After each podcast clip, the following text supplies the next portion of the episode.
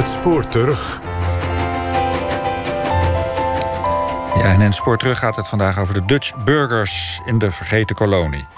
In Nederland heeft de VOC een dubieuze status, maar dat is niet overal het geval. In Sri Lanka bijvoorbeeld heeft de VOC een veel positiever imago. Laura Stek zocht Ceylon-kenner Lodewijk Wagenaar op in Sri Lanka en ontmoette de zogenoemde Dutch burgers, de VOC-nazaten. Our ancestors did not come here as invaders. We came here by invitation. So we have nothing to feel guilty about.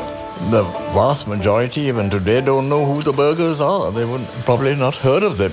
Het moet beginnen met een vader, want vrouwen kwamen hier niet. Dus dat is eenvoudig.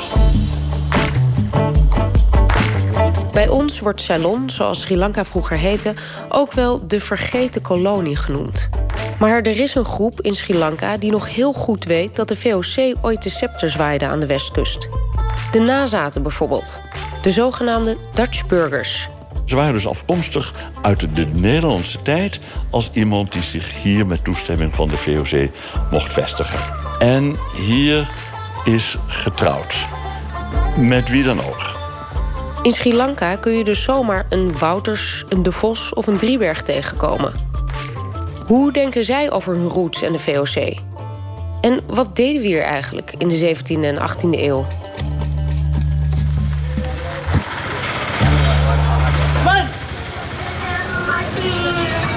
We gaan hier eens even naar rechts. En dan komen we vanzelf uit, uh, gekker kan het eigenlijk niet, Keizerstraat.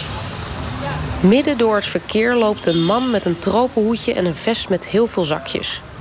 Oud-conservator van het Amsterdam Museum Lodewijk Wagenaar is in Sri Lanka om zijn nieuwe boek te presenteren: Kaneel en olifanten. Dat doet hij nergens minder dan op de Dutch Burger Union, een soort sociëteit voor VOC-nazaten. Wagenaar is gespecialiseerd in de VOC en komt hier al meer dan 30 jaar. Maar het was geen liefde op het eerste gezicht. Het was in het begin wanhoop. Ik kwam van de vliegtuigtrap af in 1980, eind april. En ik raakte eerlijk gezegd in een soort van coma vanwege het, het weer. Ik had er helemaal niet bij stilgestaan. Uh, ik vond het heet, vochtig. Ik schaamde me over het transpireren. Daarvan ga je natuurlijk nog veel meer zweten. Maar het heeft toch iets om in zo'n voormalige kolonie... waar Nederland al sinds 1796 eruit vertrokken is of eruit gegooid is... te zien wat Europeanen eigenlijk doen. Ja, wat deden we hier eigenlijk? Vanaf 1505 hadden de Portugezen Sri Lanka gekoloniseerd... tot groot verdriet van de lokale vorst van Kandy. In 1602 komt de Nederlandse zeevaarder Joris van Spilbergen aan op Ceylon. En hij knoopt direct handelsbetrekkingen aan met de inlandse koning. Ze waren hier gekomen op uitnodiging van de koning van Kandy. Die schreef in 1636 een brief naar de VOC-gouverneur van eh, Zuidoost-India. Kunt u ons helpen om de Portugezen te verjagen van het eiland? Nou, zo'n heerlijke vraag hadden ze natuurlijk nog nooit gehoord.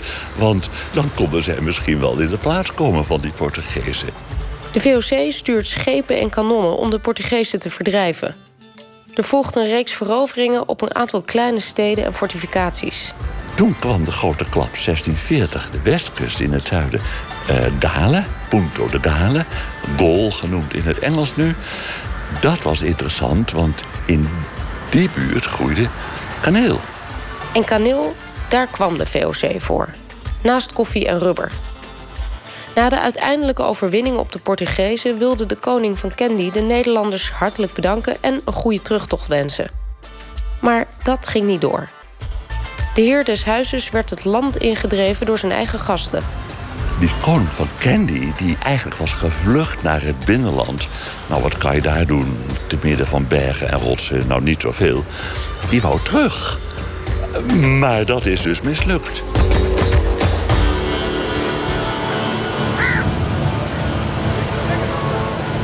Lodewijk Wagenaar is in het havenstadje Gol, in het zuiden aan de westkust.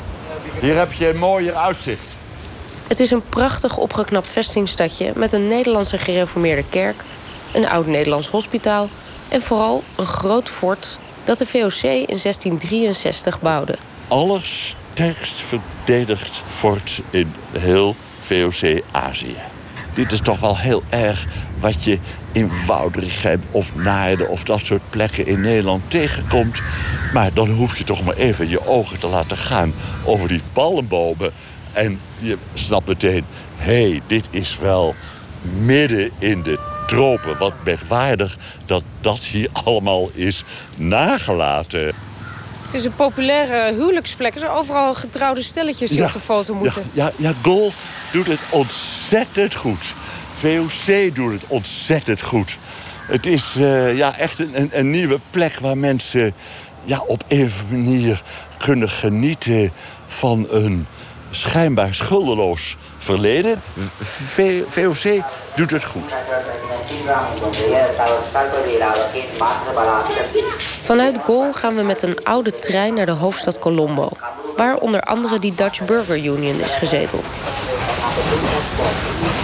Het is een prachtige route, rakelings langs de kust.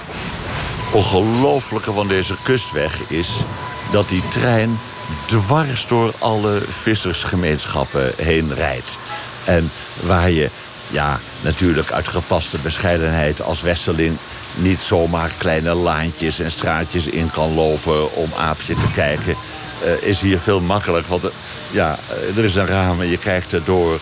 En je ziet de mensen in hun dagelijkse bezigheden van de was doen of eten, haren kammen, luizen vangen. Allemaal dat soort hele gewone dingen dat je denkt, goh, ja, is, is het leven hier zo aan de kust van die bevolking die in 2004 op tweede kerstdag zo is overvallen door die afschuwelijke tsunami. En die, nou ja, inmiddels twaalf jaar later uh, ja, weer het leven hebben opgepakt.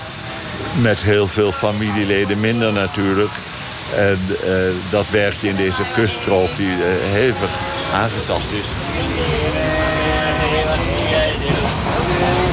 Wij zijn nu met de trein. Maar hoe ging men vroeger? Dus de, de gouverneurs, hoe gingen die? Exact dezelfde route. Langs de zee was een, een, een, weg. De gouverneurs en andere hoge ambtenaren van de VOC... die gingen in een panankijn, in een draagstoel.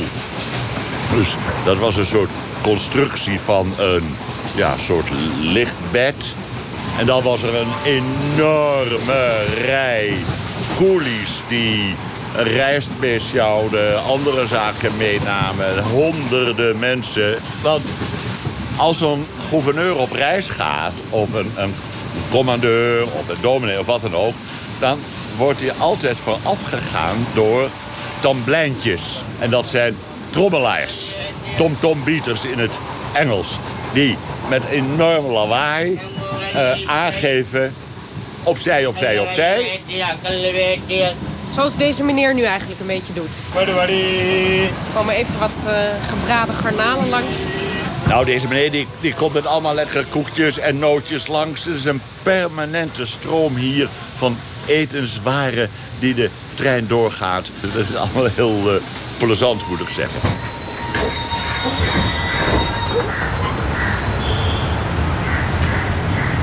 De president van de Dutch Burger Union blijkt nog niet in Colombo te zijn.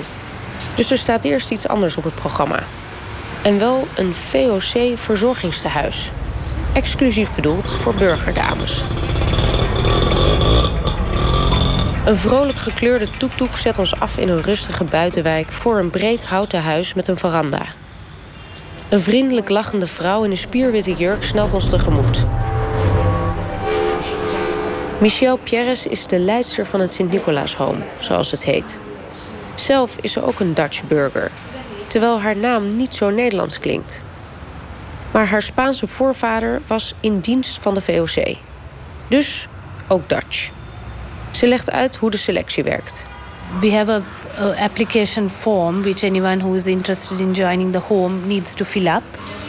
And we discuss the application with the general committee at the Dutch Burger Union and we take a collective decision to admit them or not.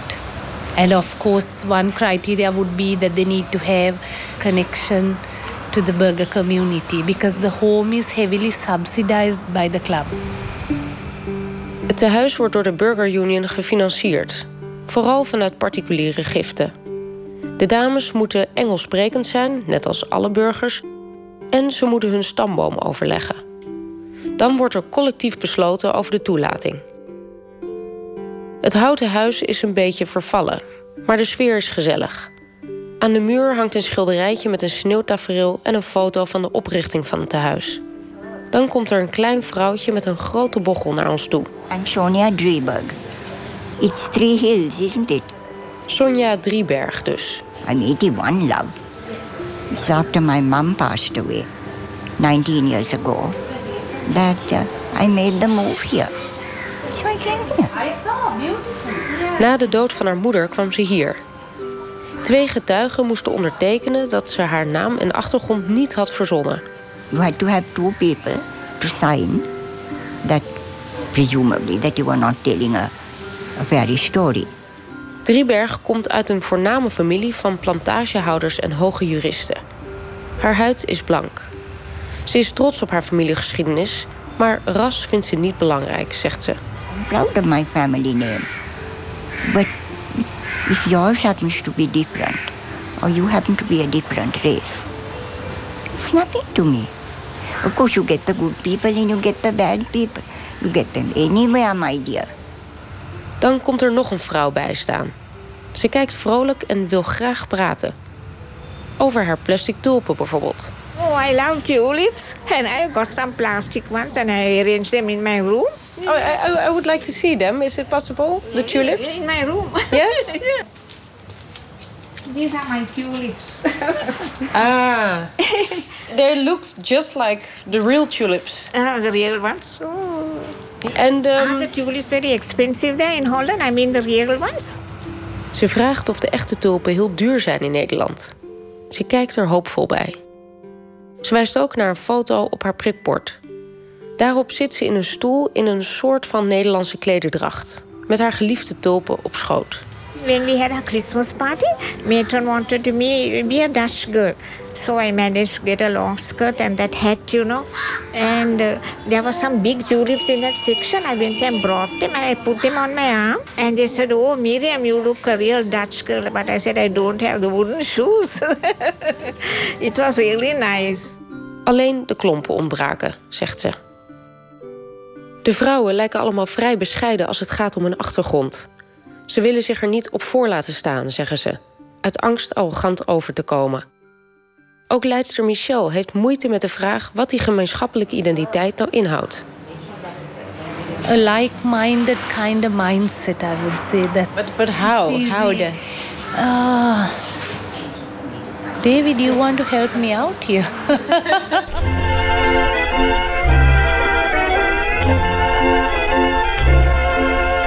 Toch zitten de vrouwen hier allemaal samen. Dus er moet wel degelijk binding zijn. Er is één ding dat naast de gemeenschappelijke taal steeds terugkomt. Hun liefde voor feestjes. Of zoals Sonja Drieberg het zegt, smashing times. Smashing times. Well, we really whoop it up, dear. Uh, music, fancy dress. The ladies are very good. And you too? No, no. I hung up my dancing shoes a long time ago, dear. I'm not steady on my feet. I sit on a chair and clap. Because I do love dancing, but I'm much too nervous to get on the floor. Drieberg klapt nu alleen nog maar mee. Ze is te slecht ter been voor dansen. Ze wijst naar een keurig gekapte vrouw met lippenstift en een vrolijke bloemjurk. Zij schijnt de koningin van de dansvloer te zijn. She really does look just like the queen. De koningin schuift een stoel bij. My mother is, is a German. My father is a Dutch burger. Yes.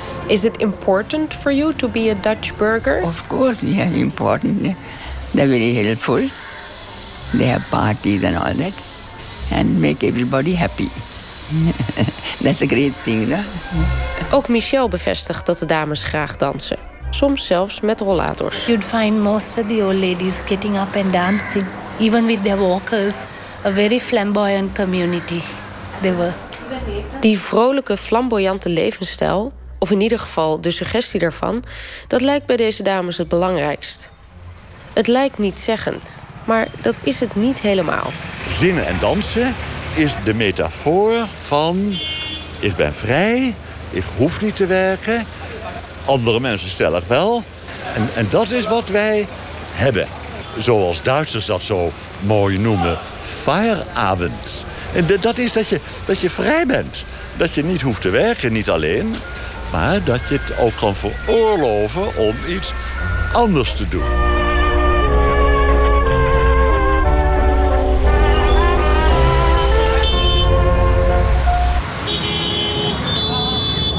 Ik probeer Wagenaar bij te houden in het drukke verkeer van Colombo. Met grote passen en een breed uitgestoken hand als stopwoord... loopt hij tussen de toektoeks en de auto's door. En dat helpt als je gewoon je hand opsteekt? Ja, ja. ja. Uh, wat essentieel is hier...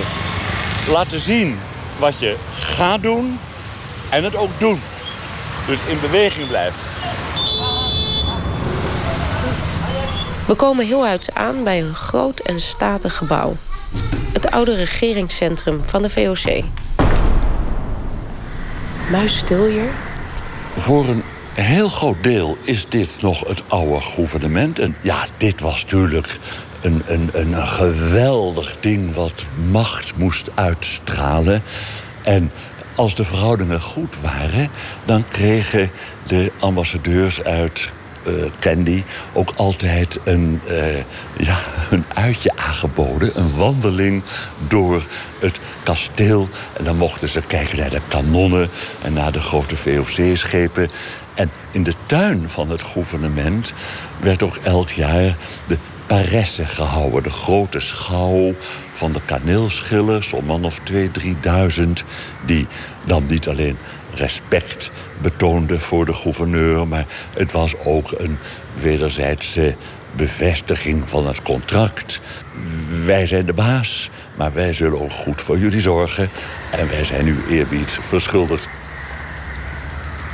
Waar we nu zijn, eh, dat was een plaats waar alleen Europeanen mochten wonen. De bestuurders, eh, de major van eh, het, het leger...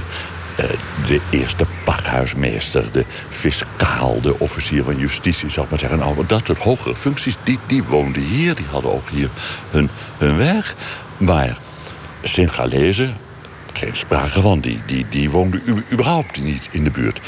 Moslims ook niet hier. Burgers, nee. Uh, dus het was een heel blank fort eigenlijk. En dat bastion is ook heel lang blank gebleven in de Engelse tijd. Want ook de Nederlanders houden geen stand. De Britten staan in 1796 voor de deur en nemen meteen het hele eiland over. De meeste hooggeplaatste VOC'ers vertrekken uit Sri Lanka. Maar een deel blijft. En wat dan wel interessant is, dat juist de burgers die zo weinig groeikansen eigenlijk hadden ten tijde van de VOC onder het Engelse bestuur nieuwe mogelijkheden kregen als een soort vertaler van hoe gaat het hier eigenlijk als dragers van de continuïteit. Dat zijn de burgers, die sinds de Engelse tijd prominente posities innemen in de maatschappij. En de Nederlanders hebben over het algemeen geen slechte reputatie. In tegenstelling tot de Engelsen en de Portugezen. Van de Portugezen is heel weinig bekend, behalve dat ze alle tempels hebben gesloopt. Nou, dat is natuurlijk wel wat als je in een boeddhistisch land in het zuiden bent of in een hindoeland in het noorden. De Nederlanders vonden het officieel niet goed dat er in hun buurt, uh, dus in het openbaar, aan boeddhistische of hindoe godsdienst werd gedaan. Er werd wel gedoogd. Daar hadden Nederlanders natuurlijk al hele goede ervaring mee. En nog steeds. Maar ik geloof dat er maar één dominee was, een Fabricius... die met de daad twee tempeltjes heeft laten afbreken... omdat hij, wij zouden zeggen, orthodoxe idioot was. Verder heeft de VOC dat eh, nooit gedaan. De Engelsen als de laatste kolonisator. Ja, daar zijn natuurlijk allerlei uh, herinneringen aan vast blijven plakken. Die hebben een, een behoorlijk odium van slechtheid op zich geladen gekregen. En tussen die twee polen de tempelslopers, eh, de Portugezen aan de ene kant en de Engelsen tussen die twee polen in, is Nederland wel goeier. Een kerkje hier, een kanaal daar. Nou ja, dat doet er ook geen kwaad. Het is een vroeger waarvan je kan denken... daar zitten ook toch best goede kanten aan. Terwijl er geen enkele reden is om überhaupt van goede kanten te spreken. Want zo zit de wereld niet in elkaar. Die VOC kwam echt hier om ja, zoveel mogelijk het land uit te voeren en daaraan te verdienen. Er werd niet uh, geherinvesteerd. Die VOC-mentaliteit dus. Hoewel je die term van Wagenaar eigenlijk niet mag gebruiken, omdat er volgens hem geen sprake was van één mentaliteit. Ze waren vooral pragmatisch en adaptief. Soms startten ze bloedige oorlogen, dan weer was slijmen bij een lokale vorst of gedogen handiger. We wandelen naar de Dutch Burger Union via de oude volkswijk Petta, waar nog allerlei verwijzingen naar de Nederlandse tijd te zien zijn. Keizerstraat, Prinsenstraat, Malibaanstraat, in het Engels vertaald natuurlijk. En deze enorme drukke weg met auto's en driewieler taxietjes en weet ik het wat... dat was vroeger de verbinding tussen Petta, de oude stad zoals het werd genoemd... en het kasteel. We gaan hier naar rechts, wordt het vanzelf rustiger. Dit is Prince Street. Via het Dutch Period Museum, dat is gevestigd in een oud Nederlands weeshuis, komen we ook langs een oude klokkentoren. En een klokkentoren, ja, dat is natuurlijk iets heel westers. Tijd slijt. dus het Westen kan je op, op heel veel manieren meemaken. Importproducten, mentaliteit. En als er nou iets onderdeel is van een westerse mentaliteit, dan is het tijd.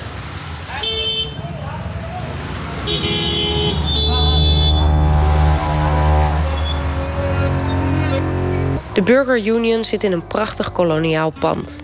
Met een binnentuin, brede overkappingen en houten ventilatoren. Eendracht maakt macht, staat er op het grote houten embleem in de hal. En. Members only. In het trappenhuis hangt een duizelingwekkende reeks portretten van voornamelijk blanke, opgeprikte mannen. Een das, een plastron, een vest, een, een jasje, natuurlijk een horlogeketting. Het zijn alle presidenten van de vereniging, die vanaf 1908 bestaat. En veel namen zijn herkenbaar. Dan hebben we hier een meneer F.C. Loos. F.H. de Vos van Kuilenburg. Antonis Leembrugge van Langenberg, Jon Klaas, nou, meneer Kerkhoven en meneer Wouters. En net op het moment dat we alle namen hebben gehad, verschijnt de huidige leider van de club. My name is Steven Lebroy and I am the president of the Dutch Burger Union. Labroy is klein, maar beweegt zich groot. Hij draagt een Sri Lankaanse blouse en heeft een joviale grimas die soms eindigt in een bulderende lach. Van beroep is hij zakenman. I traded first in coffee and then in sugar, mainly in sugar really.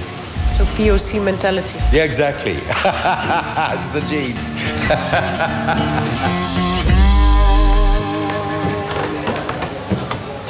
Dit is de Rembrandtkamer. Rembrandt room, yes. That's a Rembrandt painting and so is that. In de Rembrandtkamer vertelt Labroy meer over zijn achtergrond en zijn stamboom, die teruggaat tot de 17e eeuw. My father's mother was a, I don't know how you pronounce it in Dutch, Wambeek, Van Beek. My grandmother on that side is Van Kriekenbeek. They came to Sri Lanka in the 1690s.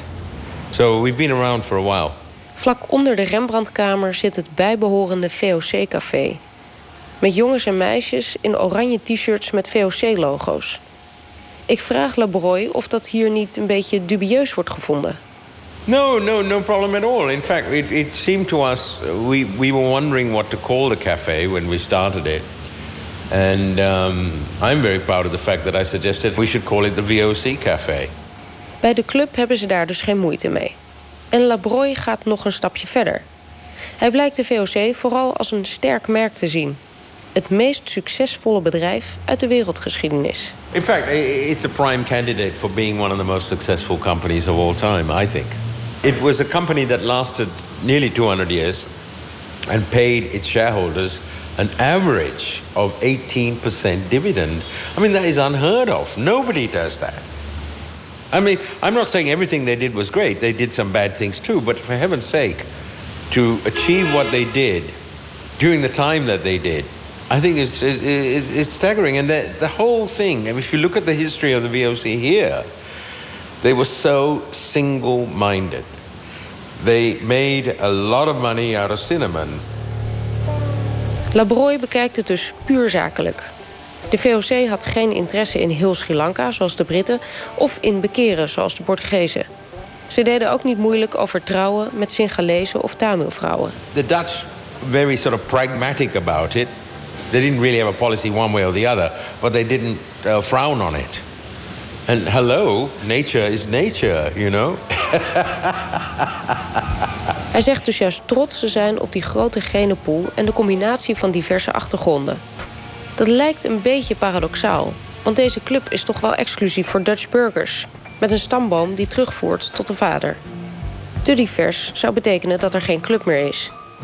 Zijn Singalese vrouw mag bijvoorbeeld alleen introduceelid zijn. Associate members have exactly the same rights and privileges as burger members, but they do not have a vote. It's our only way of ensuring that this remains a burger community club. Otherwise, you know, it won't. In fact, all of our associate members are extremely happy. It's a burger club. Maar de club loopt wel langzaam leeg. Het aantal burgers is stanende. Our numbers are so depleted that we can disappear sooner than later. Dat heeft te maken met een grote exodus van burgers in de jaren 60 en 70. In 1948 had Sri Lanka zich ontworsteld uit de houtgreep van de Britten. De nieuwe minister-president Solomon Bandaranaike besloot het Singalees tot enige nationale taal te bestempelen. Dat was de wortel van een eindeloos bloedig conflict tussen de Tamils en de regering, dat tot kort geleden voortduurde. De Engels sprekende burgers die vertrokken, naar Australië bijvoorbeeld. Labroy ziet een groot verschil met vroeger in hoe die wordt benaderd op straat. At that time, up to about 1970 or 71, I could walk anywhere in Sri Lanka and nobody would ask me where I came from. Because everybody recognized that there was a pale skinned Sri Lankan community, and they were the burghers. They were part of the furniture, they were part of uh, the country's fabric. Vroeger, zegt hij, werd hij ondanks zijn blanke huid nog wel herkend als Sri Lankaan. Maar tegenwoordig, nu er nog maar zo weinig burgers over zijn, wordt hij vaak gevraagd om zijn ID-kaart. Nowadays, I'm constantly taken for a foreigner, and I have to produce my Sri Lankan ID card to be uh, to be believed. It hurts a little bit because I'm I'm actually very proud to be Sri Lankan. I'm very proud of this country. I love this country. So to be taken for a foreigner all the time is uh, is a little hurtful. There's so few of us now that they've forgotten what we look like. You know. Longer term, I think it's going to be more and more difficult. Really, more and more difficult. Nou ja, kijk eens aan. Ondertussen maakt Lodewijk Wagenaar zich op voor zijn boekpresentatie. Labroy staart naar het houten VOC-embleem. Hij denkt dat de burgergemeenschap niet lang meer zal bestaan. Misschien is het daarom ook wel dat hij zo actief bezig is om alle forten en gouverneurs in Sri Lanka in schilderijvorm te verzamelen. Hij is al een heel eind, maar hij mist nog één man die hij dolgraag aan zijn collectie zou toevoegen. Een corrupte, moordlustige, paranoïde gouverneur die door de VOC zelf is opgehangen vanwege wangedrag. Een interessante wens.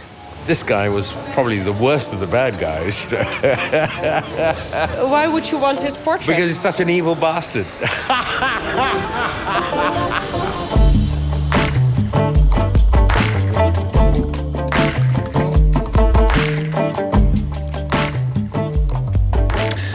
Ja, dit was Dutch Burgers in de Vergeten Kolonie. Met veel dank aan Johanne Doornewaard en de Nederlandse ambassade Sophie Knijf en Lodewijk Wagenaar. Zijn boek Kaneel en Olifanten is verschenen in de Rijksmuseumreeks. En hiermee zijn we aan het einde gekomen van deze aflevering van OVT. Straks na het nieuws de perstribune van Max vanaf de huishoudbeurs in Amsterdam met onder meer Peter Reumer als gast.